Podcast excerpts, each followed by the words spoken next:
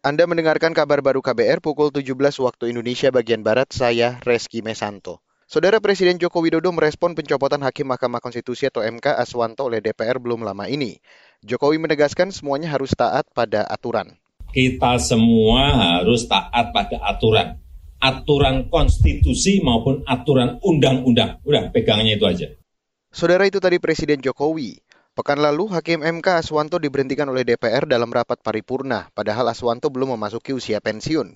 Ketua Komisi Hukum DPR Bambang Wuryanto beralasan kinerja Aswanto mengecewakan sebab Aswanto terlalu banyak membatalkan produk legislasi DPR.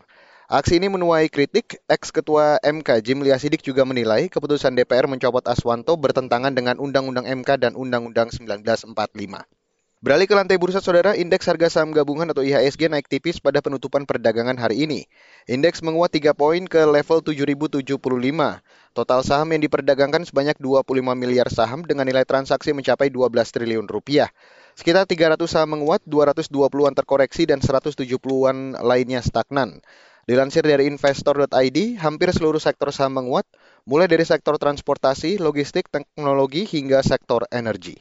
Saudara, sekitar 3.800-an warga di Kabupaten Aceh Utara Aceh mengungsi akibat bencana banjir.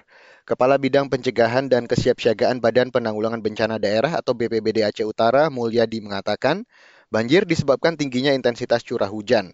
BPBD telah membuka 19 titik dapur umum untuk menanggulangi dampak banjir yang terus meluas.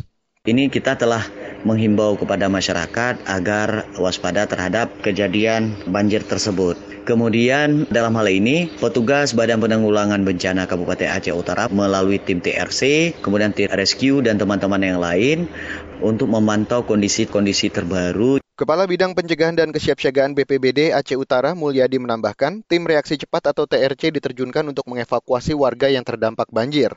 Menurutnya ketinggian air terus mengalami peningkatan hingga mencapai 1,5 meter. BPBD Aceh Utara mencatat sudah ada tujuh kecamatan yang terendam banjir.